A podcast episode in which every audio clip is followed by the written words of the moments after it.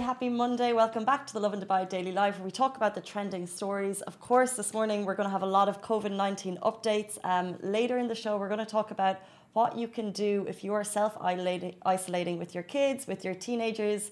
We put a post up on Lovin Dubai this morning just to get uh, your thoughts on what is the best way to keep kids entertained. We're also going to be talking about kind of the avalanche of updates that came in yesterday via Dubai Media Office. So there are a lot of um, a lot of closures. Uh, it's all precautionary, which is fantastic, mainly until the end of the month. Uh, we'll talk about those and how they are affecting us as people, as small businesses. Uh, but first, we want to talk about a story. Um, yesterday, there was news that all entry visas were banned. Today, uh, last night, DXB actually clarified that. There was a lot of confusion. I mean, imagine if you were traveling or if you had someone traveling into the country, you would have a lot of questions. We had a lot of questions on our post yesterday.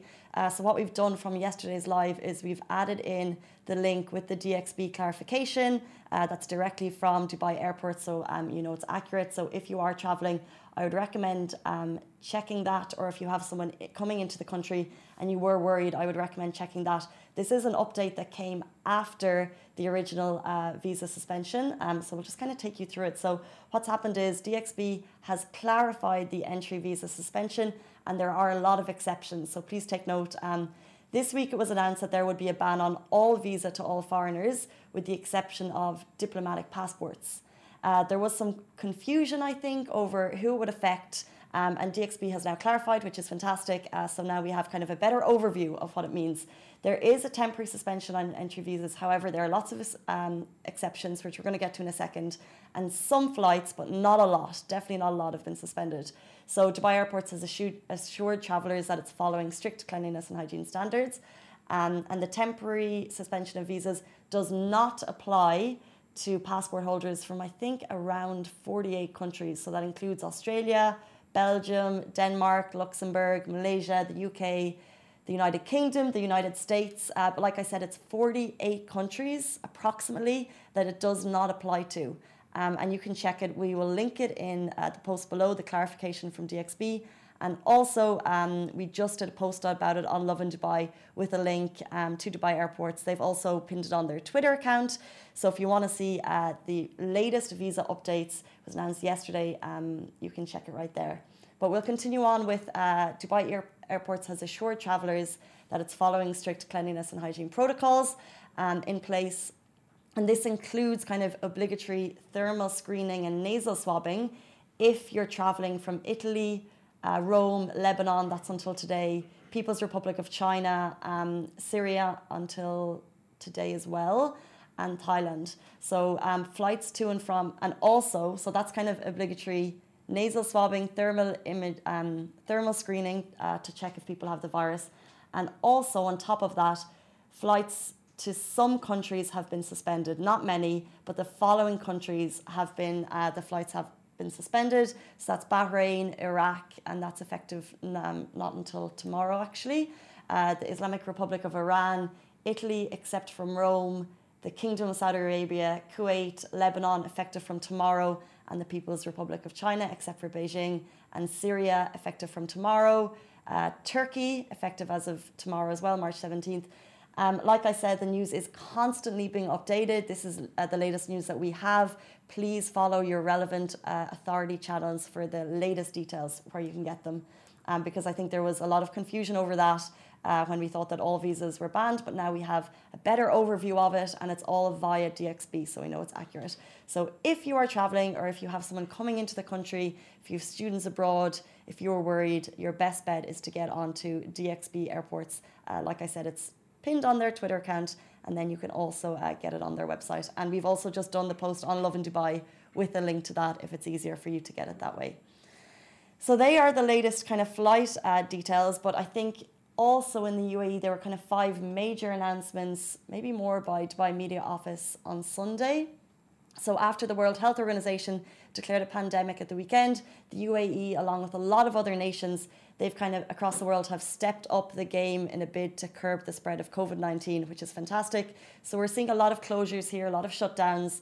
So schools obviously were closed from Sunday, March 8, um, and it's all. And the following, uh, which we'll get to in a second, it will include the cancellation of all events and the closures of entertainment facilities and fitness facilities to ensure the safeguarding of public health. So there's a lot of closures coming in, all as precautionary measures. I think that's definitely worth taking note of. So the following are closed until the end of the month. This was the, this was the news we got yesterday. So all public parks, entertainment facilities, spas, um, massage parlours, museums, historical sites, and public libraries. Global Village is actually closed until next season. Dubai Parks and Resorts, and finally, all gyms, cinemas, theme parks, amusements, uh, games, electronic game centres, bodybuilding and fitness gyms, and spring camps that are licensed in Dubai. And I think kind of what we can take from this is that it's definitely a tough time on local businesses. Um, and it's definitely, I think, a time to support local. Um, what are your guys' thoughts on it, by the way? Chai, you saw this news coming in yesterday. Was there anything that kind of you noticed in particular that was going to affect you or how you live your life? I was wondering how I was going to get my nails done. Chai, they did not say salons. It said spas, right? It says spas and massage parlors, so I'm not sure if that includes salons. Well, I, I wonder where I can get a good massage done. Well, you can't, Chai. They're closed. Well, I think personally, or is there anything else maybe? Probably the gym every now and then. Every now and Not then. that active, to be honest. Be frank. I think parks closing, I think, was a quite a big one. Oh, yeah. if you're if you're someone who goes to the park in the evenings. The one that affected me most was the gym, but it also made me consider the effect that this will have on local businesses and how we can support local businesses in this time. Because the gym I go to, shout out Iconic Fitness in Dubai Marina, they, well, because it's a small community gym, it's not a chain and it's owned by a couple and they're great and fantastic. But I'm very aware that if this happens for two weeks, it will it can affect them It will affect. it will affect it will affect business. So I think what um, we can do in this time is if we're talking about supporting local, supporting local businesses and food trade, in terms of I know sometimes you could, I guess, freeze your membership, but in times like this, maybe consider the fact that there are salaries to be paid Yeah. and not freezing your membership is a nice way to go. That's interesting. But it's because I think this time everyone is affected. So whether you have maybe like um, maybe a cleaner coming to your house, maybe you want to make sure that you continue with that, or it is tricky. I think we're going to see kind of the full fallout of this in the next two weeks. But what I like I said, all of these closures announced by Dubai Media Office are fully preventative, and it's amazing to see these steps taken by the Dubai government, basically to ensure our safety because they closed schools and the city was still busy. And it takes steps like this to get people to really consider staying at home, self isolating. That's the one thing. Oh, chai. cin- Exactly. Cinemas. Yeah, exactly. I love going to watch movies. I ju- it just hit me, and I'm like, oh no. But I don't feel so bad because all the big budget movies are like all also also being postponed. So I'm like, you go, Shai. it. It- It's all right. That's true. It's not like you're missing the releases because they're not coming because they've been, I think uh, James Bond was postponed, right? Uh, James Bond, The Quiet Place Two. The Quiet Place 2. What is that? It's it's a horror. A horror movie? It's, it's not a horror, but it's like a thriller horror movie. It's a very nice movie. So cinemas exactly, but I think the government had to take these measures because people are still going out. So rather than us spreading our germs, um, we're basically it's it makes you consider staying inside more. Which brings us on to our final story. If you are self isolating, um, especially if you have kids, if you have teenagers at home who, who are not at school at the moment, what are you doing to keep them entertained? Is my question to you. Um, the photo here beside me uh, is, I think, probably not very realistic because it's two kids sitting at home reading a book for two weeks. I mean, your kids may enjoy reading, but I think for two weeks, you may want to consider um, what other parents are doing. So just before we. a book or iPad? Was it an iPad? Yeah, it's an iPad. I thought- I thought it was a book. Okay, an iPad is more realistic. So I put this post up on Lovin Dubai, just say, uh, and I put it up maybe just an hour ago to get what are your thoughts? Um, how are you keeping your kids entertained? Because I think we all can maybe help each other out at the moment. We're all a bit stuck if you have kids at home. I get this from my sister who is at home in London and she's thinking up new games and they're all kind of sharing. So uh, let's see what people have said. We've started cooking together. oh, that's nice. It's really nice cooking classes, classes in German. Aisha uh, is more into Arabic and Swiss German, so it's fun and challenging. So that's fun, maybe like a cross culture cuisine class. Um, someone said, I use Quids. Parents, have you heard of Quids? So you can get loads of ideas, DIY, DIY arts and crafts, cooking ideas, indoor games. People have linked uh, other posts. There's actually a post on Forbes 101 ideas to keep your kids busy during coronavirus. Oh wow. So, okay, that's probably helpful.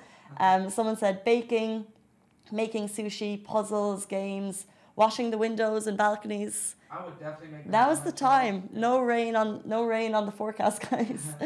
um, exercise in the garden, PlayStation music. Ah, someone said house house chores. Yeah, why not? Number one on the list. Number one on the list. Um, someone says I'm single. I have no experience with this. Shout out to Asa. I mean, easier. You won't be keeping the kids busy. And then someone said iPad all day. No, no, no. Come on, you gotta keep them away from technology. You don't want strain on the eyes 24 7. I 100% agree with Chai.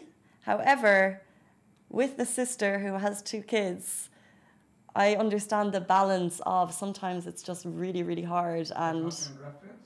excuse me, Are you talking in reference?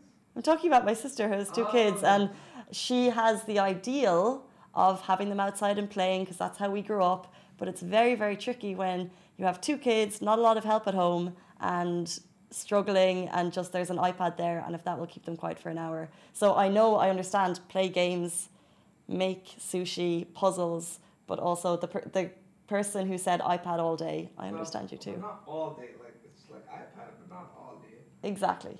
iPad for parts of the day, and then outside. I mean, yeah, well, maybe outside. Outside. Outside. Well, you can run around the house and like. so it's an unknown time for all of us, um, and like all of these updates have come in the last day, which I think is interesting. Like this is just constantly new information that we're getting from Dubai Media Office. Get your information from there. That's where we get ours. Stay safe, and we'll be back with you tomorrow morning, same time, same place. Have a great day.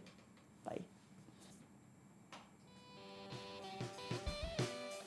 That is a wrap for the Lovin Dubai Daily Live. Remember, we are back with you same time, same place every morning. Do not forget, we also have Dubai Works Business Podcast where Rich sits down with the business people of Dubai so you can get more information about that. And of course, the Lovin Weekly show where Shireen and I chat to influencers and get to know a little bit more about them. Bye.